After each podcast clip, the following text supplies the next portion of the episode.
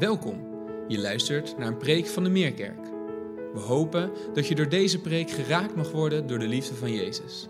En dat je aangemoedigd mag worden om Hem samen met ons te volgen en van Zijn liefde te getuigen.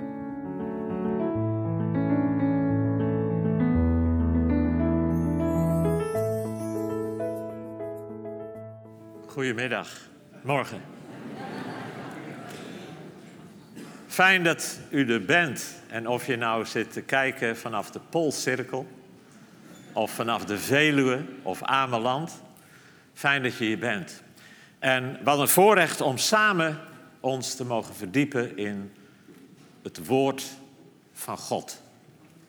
Terwijl ik hier ben, zit volgens mijn informatie Patrick in Emmeloord, de gemeente waar ik 40 jaar met mevrouw deel van heb uitgemaakt. Dus dat is een leuke, niet helemaal uitwisseling, want ik woon nu in Soest, maar toch, Emmeloord is altijd nog wel een plek van veel betekenis. Ehm, deze week en de volgende week wil ik met je nadenken over wat ik als thema geef: Gods woord in een stille periode. Um, tussendoor, de komende week, zit ik in Libanon. Dus terwijl jullie hier dinsdag 40 graden hebben, zit ik lekker in het koele Libanon. Het wordt daar maar 31 graden. 31 graden. Heb net bekeken. Maar ik ben daar voor een week om uh, te helpen bij een training voor 21 kerkleiders uit Egypte. Het heet de Christian Mind Institute. Het is ooit begonnen in Egypte toen Gert-Jan Segers van de ChristenUnie daar nog als zendeling van de hervormde kerk werkte. En samen met een paar mensen, ook mensen die de training hebben gedaan waar ik jaren bij betrokken ben geweest, uh, waar ik wel eens wat van verteld heb. En die hebben daar delen van die training ingenomen.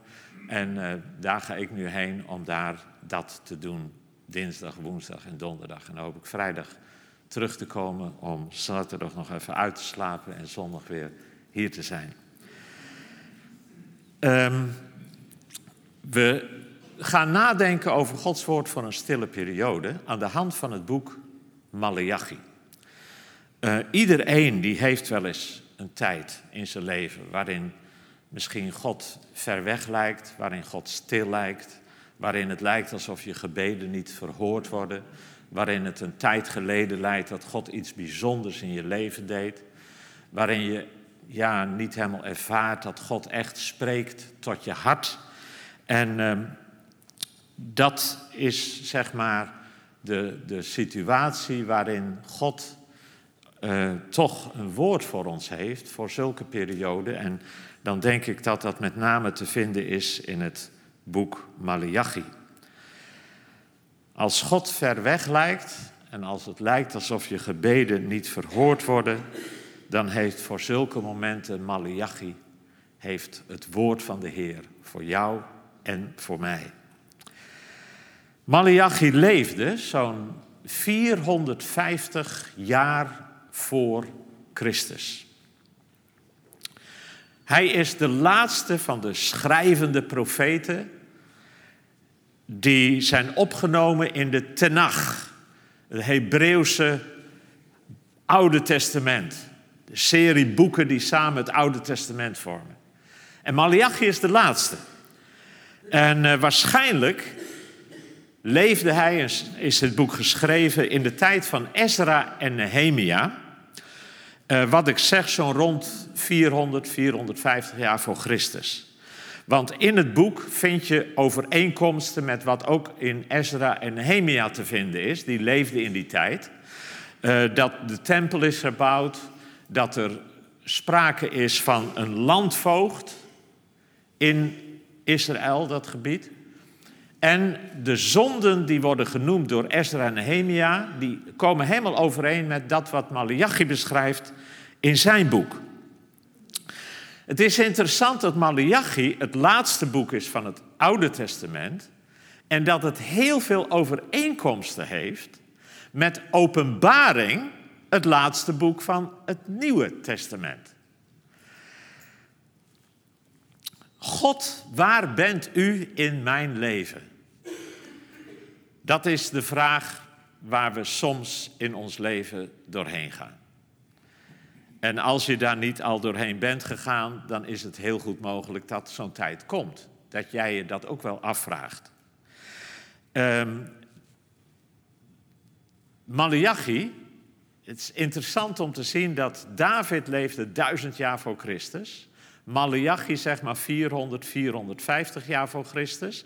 En dan is het een hele periode stil, tussen aanhalingstekens, in de zin dat er geen profeten meer zijn van het kaliber van Jezaja, van Jeremia, van Ezekiel, van Malachi. Die zijn er niet meer.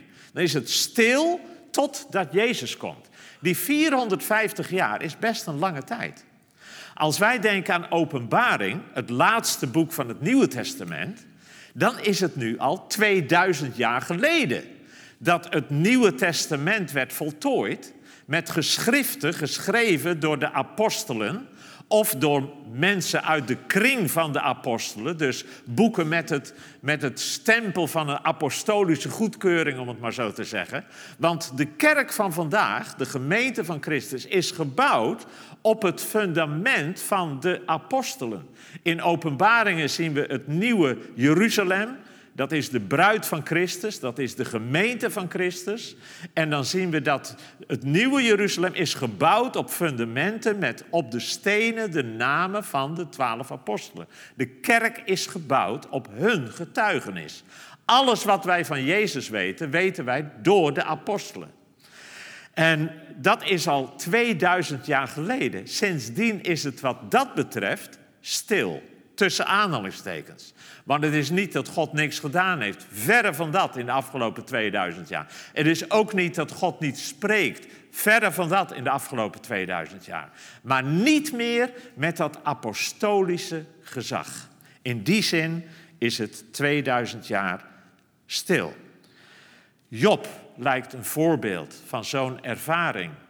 Job werd getroffen door leed, intens leed. Hij was zijn bedrijf kwijt, hij was zijn werknemers kwijt, al zijn kinderen kwijt. En dan zijn vrouw die nog eens een keer tegen hem gaat zeggen van... joh, waarom ga je toch door met in God te geloven? Zeg God van wel en sterf. En dan lijkt God heel ver weg. In zo'n periode kunnen er ook allerlei vragen bij je opkomen. En dat zie je ook gebeuren in Malachi. Israël in die tijd had allerlei vragen en, en, en allerlei twijfels.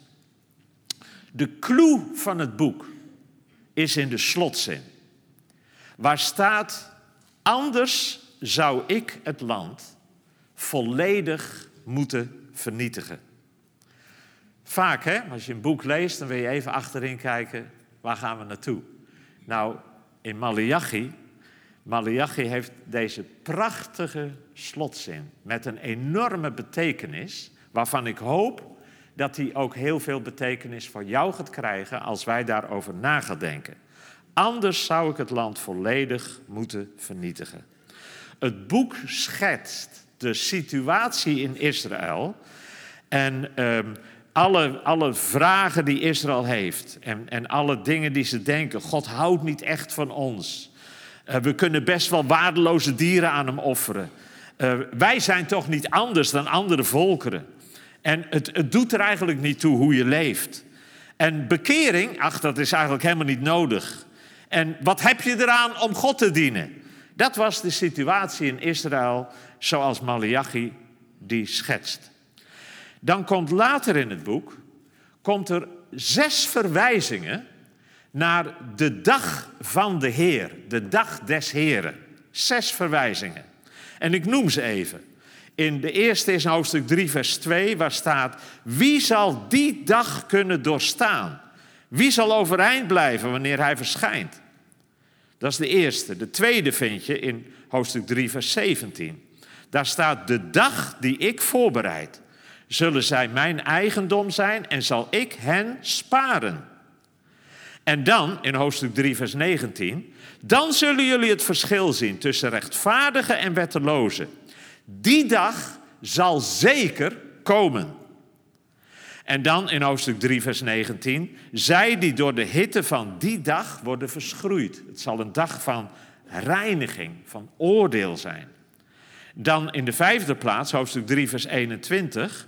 Voor jullie zal de zon stralend opgaan op de dag die ik voorbereid. En dan hoofdstuk 3, vers 23. Voordat de dag van de Heer aanbreekt, die groot is en ontzagwekkend. Die dag. Dat zal de volgende stap zijn in wat God bezig is te doen in zijn plannen met de wereld. Het is een verwijzing naar reiniging en uitredding. Want oordeel kun je ook zien als reiniging. Er komt een moment dat God alle onreine dingen weg zal doen. Dat alles wat niet goed is, onheilig is, weg zal doen. Het is zoals de profeet Jezaja zegt, als hij spreekt over... ik schep een nieuwe hemel en nieuwe aarde, zegt de Heere God. Niemand doet kwaad, niemand sticht onheil op heel mijn heilige berg, zegt de Heer. Al dat kwaad, al dat onreine zal zijn weggedaan, gereinigd. Nou, het boek eindigt dus met die opmerking: anders zou ik het land moeten vernietigen. Er moet wat gebeuren, zegt God. Anders dan zou ik heel het volk moeten wegdoen als ik het reinig. Als ik kom met mijn oordelen om alle onreinheid weg te doen. Veroordelen is het laatste wat God wil. De profeet Ezekiel die zei het heel treffend. Hij zegt: Denken jullie, zegt de Heere God, dat ik het toejuich als een slecht mens moet sterven, spreekt de Heer? Nee, ik wil dat hij tot inkeer komt en leeft. Gods verlangen voor jou en voor mij is helemaal niet dat we vernietigd zullen worden, weggedaan zullen worden verloren zullen gaan. Hoe je dat ook noemen wil. Nee, Gods verlangen, Gods grote verlangen voor ons, is dat wij ons omkeren en dat we zullen leven. Dat is wat hij wil. Dat zie je overal. Ik heb in februari hierover gesproken. Je ziet het bijvoorbeeld bij de Amorieten. Het volk wat, wat verdreven wordt als Israël Canaan inneemt. En dan zeggen mensen wel eens, nou is dat een God van liefde? Maar die Amorieten die hebben daar staat van de Bijbel dat 400 jaar heeft God het aangezien wat ze gedaan hebben. De meest weerzinwekkende dingen, zoals het offeren van kinderen voor hun afgoden. 400 jaar en dan zegt God, toen was de maat vol. Het laatste wat God wil is veroordelen. Hij, hij wil onze behoudenis, hij wil ons redden, hij wil, ons, hij wil niet dat we verloren gaan. En... Uh, we weten dat ook van Jezus. Jezus die zegt dat ik ben niet gekomen om te veroordelen, maar om te redden.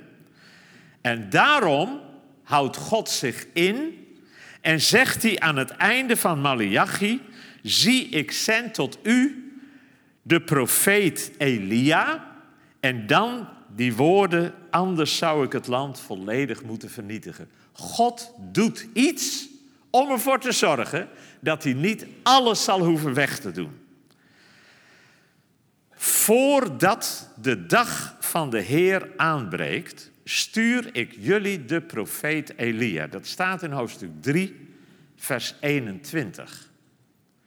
Voordat die dag aanbreekt, zegt God, stuur ik de profeet Elia. Dan is de vraag, wie is die Elia?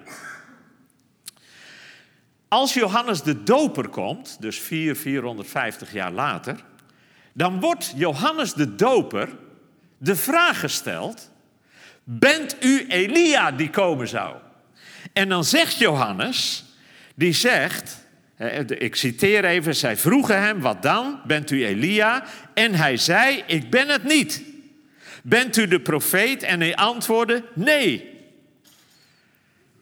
Waarschijnlijk wist Johannes de Doper dat hij degene was waar, waar Malachi over sprak.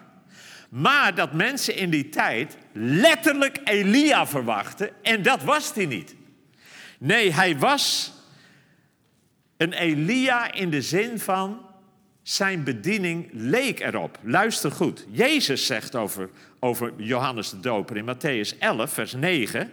Ik zeg u, zelfs veel meer dan een profeet, want hij is het over wie geschreven staat: Zie, ik zend mijn engel voor uw aangezicht. Dus Jezus, die geeft de indruk dat Johannes de Doper inderdaad is over wie gesproken wordt door Malachi. En de engel Gabriel, die de vader van Johannes de Doper aanspreekt, voordat Johannes wordt geboren, de engel Gabriel, die zegt dit bij de aankondiging. En hij zal voor hem uitgaan in de geest en in de kracht van Elia, om het hart van de vaderen te bekeren tot de kinderen en de ongehoorzaamheid tot de bedachtzaamheid van de rechtvaardigen, om voor de Here een toegerust volk te maken. Johannes de Doper is dus niet letterlijk Elia, maar hij is gekomen in de geest van Elia. Hij is een Elia-achtige boodschapper. Iemand die, de woorden, die in de woorden van de engel Gabriel in de geest en de kracht van Elia heeft geleefd. Een profeet die net als Elia het volk oproept tot bekering en hun ook hun zonde aanrekent en vertelt. Johannes de Doper, weten we, is een wegbereider van de Messias. Hij is de wegbereider van Jezus. Johannes de Doper en Jezus zijn dus eigenlijk één in zin en betekenis. In doel en betekenis.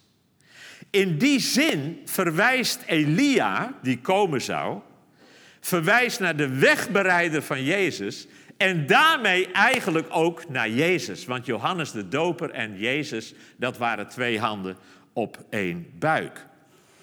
Als Malachi schrijft, hij zal het hart van de vaders tot de kinderen terugbrengen, wat hij zegt uh, aan het einde, uh, in vers 24. Hij zal ervoor zorgen dat ouders zich verzoenen met hun kinderen en kinderen zich verzoenen met hun ouders. Anders zou ik het land volledig moeten vernietigen. Als Malachi dat schrijft, dan vraag je af wat betekent dat? Het zou kunnen zijn dat het betekent dat hij refereert aan de vaders, aan de aartsvaders. De mannen waar Israël ooit uit geboren is, uit ontstaan is. Dat ze een soort terug moeten naar hun roots, naar hun roeping. Maar het is ook maar een kleine stap verder om te zien hoe Jezus de relatie tussen Vader in de hemel en ons als zijn kinderen komt herstellen. Dat werk van God, wat hier beloofd wordt in Malachi, dat is onze enige hoop. Dat God ingrijpt. Anders zou, het land volledig, zou ik het land volledig moeten vernietigen, zegt God. Zonder het werk van Jezus in zijn lijden, in zijn sterven, in zijn opstanding uit de doden, zou er voor ons geen hoop zijn. Voor niemand van ons. Wat een afsluiting van het Oude Testament. Deze laatste woorden. Anders zou ik het land volledig moeten vernietigen. 400 jaar van stilte volgt. Wat een voorbereiding op de volgende stap die God zou nemen in het zenden van zijn zoon. Wat een indrukwekkend inkijkje in het hart van God, die niet onze veroordeling wil, maar onze uitredding, die niet onze dood wil, maar ons leven wil. Dat is het einde van Malachi. Midden in Malachi, daar staat ook iets interessants. Wat gaat over hetzelfde, dat, dat volgt in dezelfde lijn. Als God bestaat, waarom maakt hij dan geen einde aan het onrecht? Wel, we lezen in hoofdstuk 2, vers 17. Met jullie gepraat vallen jullie de Heer lastig. En dan vragen jullie, hoezo vallen we hem lastig? Nou, door te zeggen, iedereen die kwaad doet, die doet wat goed is in de ogen van de Heer. Zulke mensen bevallen hem. Waar is nou de God die recht spreekt?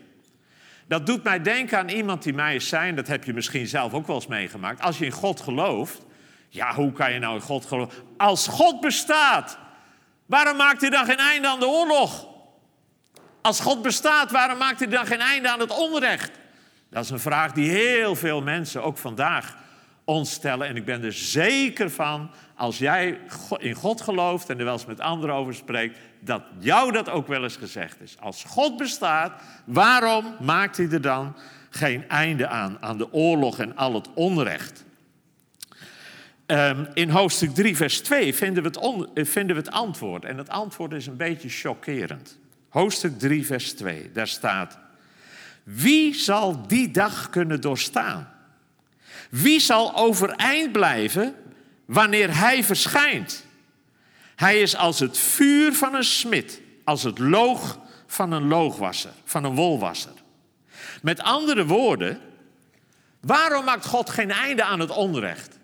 Nou, het is maar goed dat God geen einde aan het onrecht maakt. Want als God dat zou doen, wie zou dan bestaan? Dan zou het ook met jou en dan zou het ook met mij afgelopen zijn. Er is geen hoop voor ons. Dan moet ik denken aan wat er gebeurde bij de berechting van Eichmann. Adolf Eichmann was de architect van, van de dodenkampen waar de Joden in de oorlog massaal zijn vernietigd.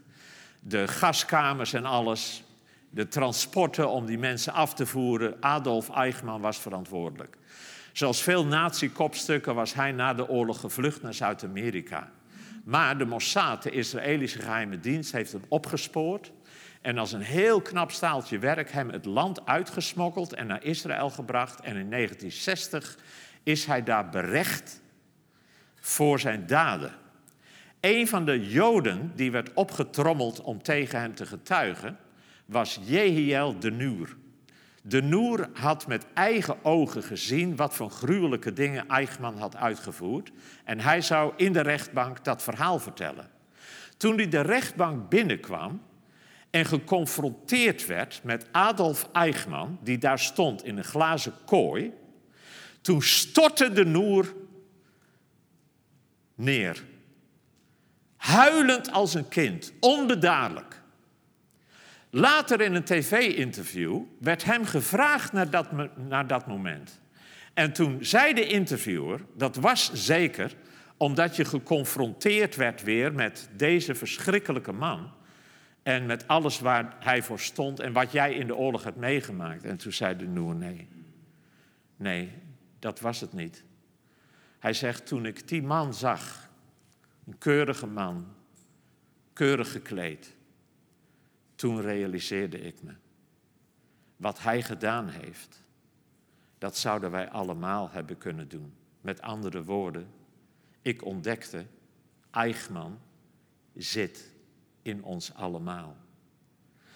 Dat zijn woorden die chockerend zijn voor mensen die niet met God rekening houden en denken dat alles wel goed zal komen. De Bijbel zegt ons als wij de hele wet houden, maar struikelen op één punt, dan zijn we een overtreder van de wet. En of je nou een Adolf Eichmann bent of een hele fatsoenlijke persoon, als wij op één punt struikelen, zegt de Bijbel, dan ben je een overtreder van de wet. Ik denk wel eens, ik heb niet zo vaak bekeuringen. Ik heb hier wel eens een keer een bekeuring meegenomen. Af en toe, als je veel in de auto zit, ontkom je er niet aan. Jammer genoeg dat je af en toe zo'n leuke blauwe brief krijgt, die je dan maar gauw vergeten moet. Het is voor mij alweer een tijd geleden, maar dan denk ik, ja, je kunt je aan alle regels houden, hè? Aan alle regels houden. Je kunt 50 rijden als je 50 moet rijden, 30 als je 30 moet rijden, 80 als je 80 moet rijden. Je binnen de witte streepjes, je stopt keurig als het stoplicht rood is. Maar één keer zit je te praten met de vrouw die naast je zit. En je, bent te laat en je rijdt per ongeluk te laat door het rode stoplicht. En je krijgt een briefje, 230 euro. En dan denk ik, ja, je kunt je aan alle regels houden. Maar als je één overtreding doet, dan ben je gewoon een wetsovertreder. En dat is wat de Bijbel ons leert. Je kunt nog zo goed je best doen, maar als je niet alles doet, dan ben je een wetsovertreder.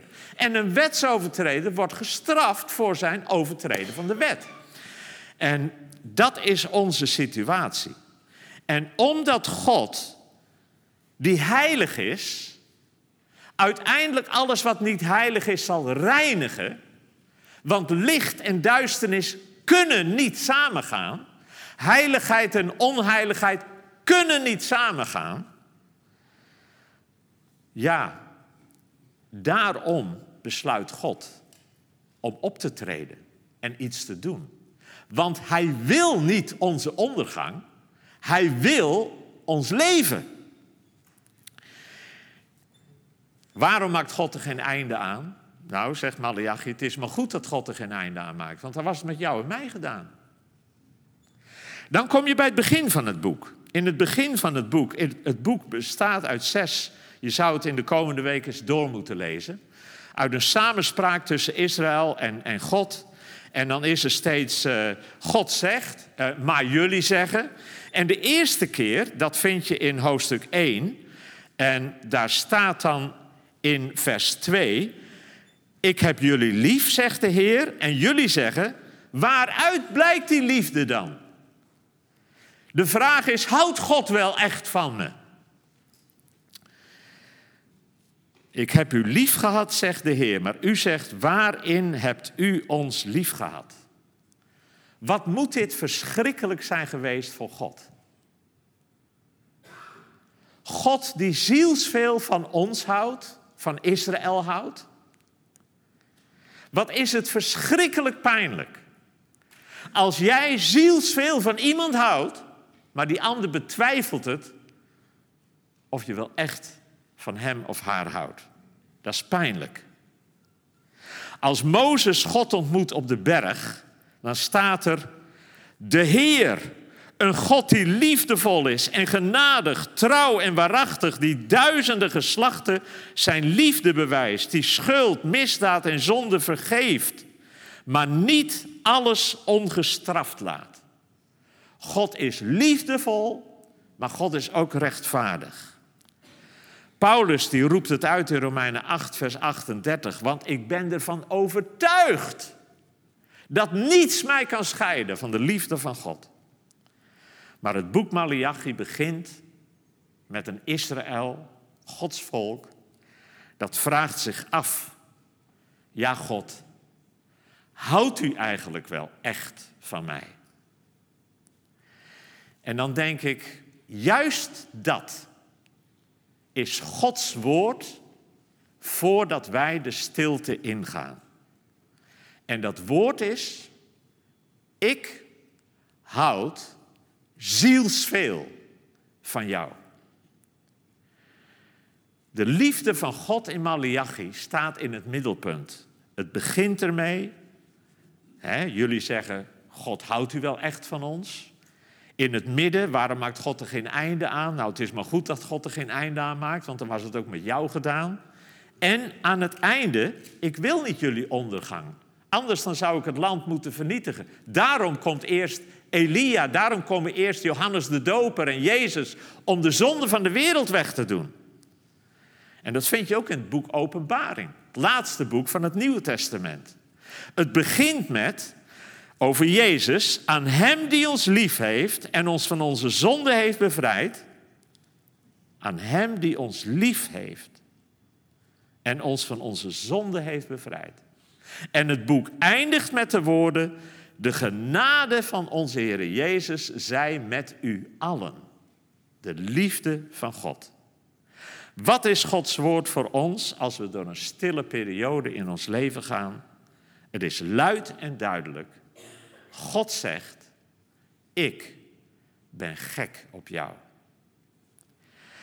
Ik ben een boek aan het lezen waar ik eigenlijk geen reclame voor wil maken. Er staan allerlei bijna doodervaringen in van mensen. Mijn vrouw vroeger, die las wel eens van die boeken en dan zei ik tegen haar, ik zeg, ik lees het niet hoor. Als ik wat over de hemel wil, wil weten, dan lees ik wel in de Bijbel. Maar nou heeft een vriend van mij, twee maanden geleden, die heeft zijn lieve vrouw verloren. En die is dit boek aan het lezen. En die zegt, Joop, het is best wel interessant. En ik heb dat boek ook gekocht. Ik ben het ook aan het lezen. En wat me opvalt, dat is dat, dat er al zoveel onderzoeken zijn gegaan, gedaan naar mensen met bijna doodervaringen. Mensen die dus klinisch dood waren, maar dan bijvoorbeeld door reanimatie, dat het leven terugkeert. En die dan later vertellen hoe ze dat ervaren hebben. En die onderzoeken die zijn gedaan onder duizenden mensen in de hele wereld. Tien jaar geleden waren er al 900 wetenschappelijke artikelen gepubliceerd over onderzoeken over mensen met bijna doodervaringen. Dus het is niet zomaar één of twee. Nee, het is enorm groot. Het is over de hele wereld onder duizenden mensen. En het boek wat ik aan het lezen ben, die schrijver zegt daarvan: Ik heb duizend bijna doodervaringen gehoord en daarover gelezen. En veel van die mensen, die vertellen eigenlijk allemaal min of meer hetzelfde. En spreken heel vaak over een ongelofelijke liefde die ze hebben ervaren. Ik citeer een paar van die uitspraken. Een verbijsterende liefde die ver uitging boven mijn meest bizarre voorstellingen. Een ander zegt, ik zag een uniek en uitzonderlijk liefdevol wezen. Weer een ander, toen ik dat licht zag, voelde ik dat iemand heel erg van me houdt. Maar ik had geen idee wie het was. Ik zag een helder licht en voelde die liefde, die liefde die ik nooit eerder heb ervaren. Weer een ander zegt, hij omhulde mij met zoveel warmte en liefde. Een Nederlandse cardioloog van Lommel, die heeft veel mensen met bijna doodervaringen gesproken en er ook over geschreven. Hij beschrijft een moslim uit Egypte met de naam Mohammed. En die zei: Ik ervaarde dat liefde het enige is wat alle mensen voor elkaar zouden moeten hebben. Weer een ander die zegt: Overal om me heen was licht, een helder licht dat gevuld leek te zijn met pure, onvoorwaardelijke liefde. En iemand zegt, tot mijn verbazing overspoelde mij een golf van onvoorwaardelijke liefde. Het was het laatste wat ik had verwacht. En een ander, ik begon onbedaarlijk te huilen, omdat die liefde steeds maar sterker werd. Die liefde was zo zuiver, zo rein. Nou, wij weten uit de Bijbel dat God zielsveel van ons houdt. Dat is de boodschap van Malachi. Dat is de boodschap van Jezus. Dat is de boodschap van het evangelie. Al zo lief heeft God de wereld gehad dat hij zijn enige geboren zoon gegeven heeft. Wie had dat durven denken dat God zo ver zou gaan dat de schepper zou lijden en sterven voor zijn schepselen? God houdt zielsveel van ons. Hij is gek op jou en op mij. Dat is de boodschap die we uit de Bijbel kennen. Als je dan die bijna doodservaringen hoort, dan denk je, ja, dat is wat de Bijbel ons vertelt. God houdt zielsveel van jou en voor mij. En daarom de boodschap van morgen. Ook als je soms door een stille periode gaat, dat God niet lijkt te spreken, dat God je gebeden niet lijkt te horen, dat er geen dingen gebeuren hè, waarbij je ervaart dat, dat God er is. God lijkt zo ver weg. In die tijd is dit het woord van God voor jou en voor mij. Ik houd zielsveel van jou. En daarom kijk naar Jezus aan het kruis. Besef waarom hij nog niet is teruggekomen. En in de tussentijd, breek het brood met elkaar. Drink de wijn. En gedenk. Aanbid. Wees dankbaar. En volg Hem. Jij, samen met elkaar. En vergeet dit nooit en trek dit nooit in twijfel. God, de schepper van hemel en aarde, houdt zielsveel van jou. Wat je leven ook is. Dat is de boodschap van Malachi. Er zit meer in Malachi, daar gaan we volgende week naar kijken. Maar voor vandaag, neem dit mee en vergeet het nooit. Amen. Zullen we samen bidden?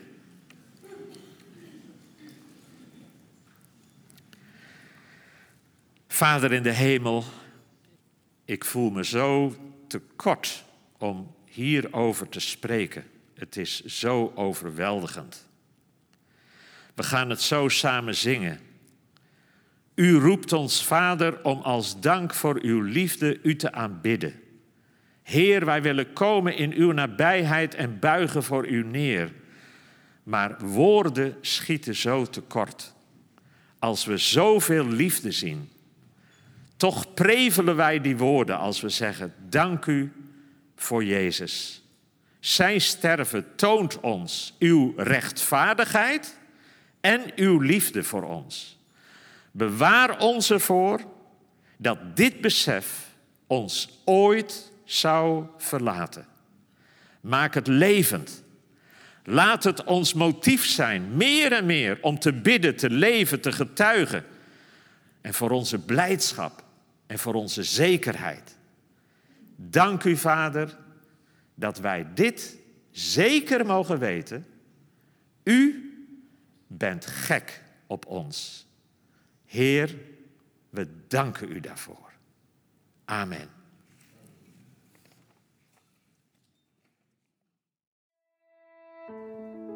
Fijn dat je hebt geluisterd. Voor meer informatie ga naar www.meerkerk.nl.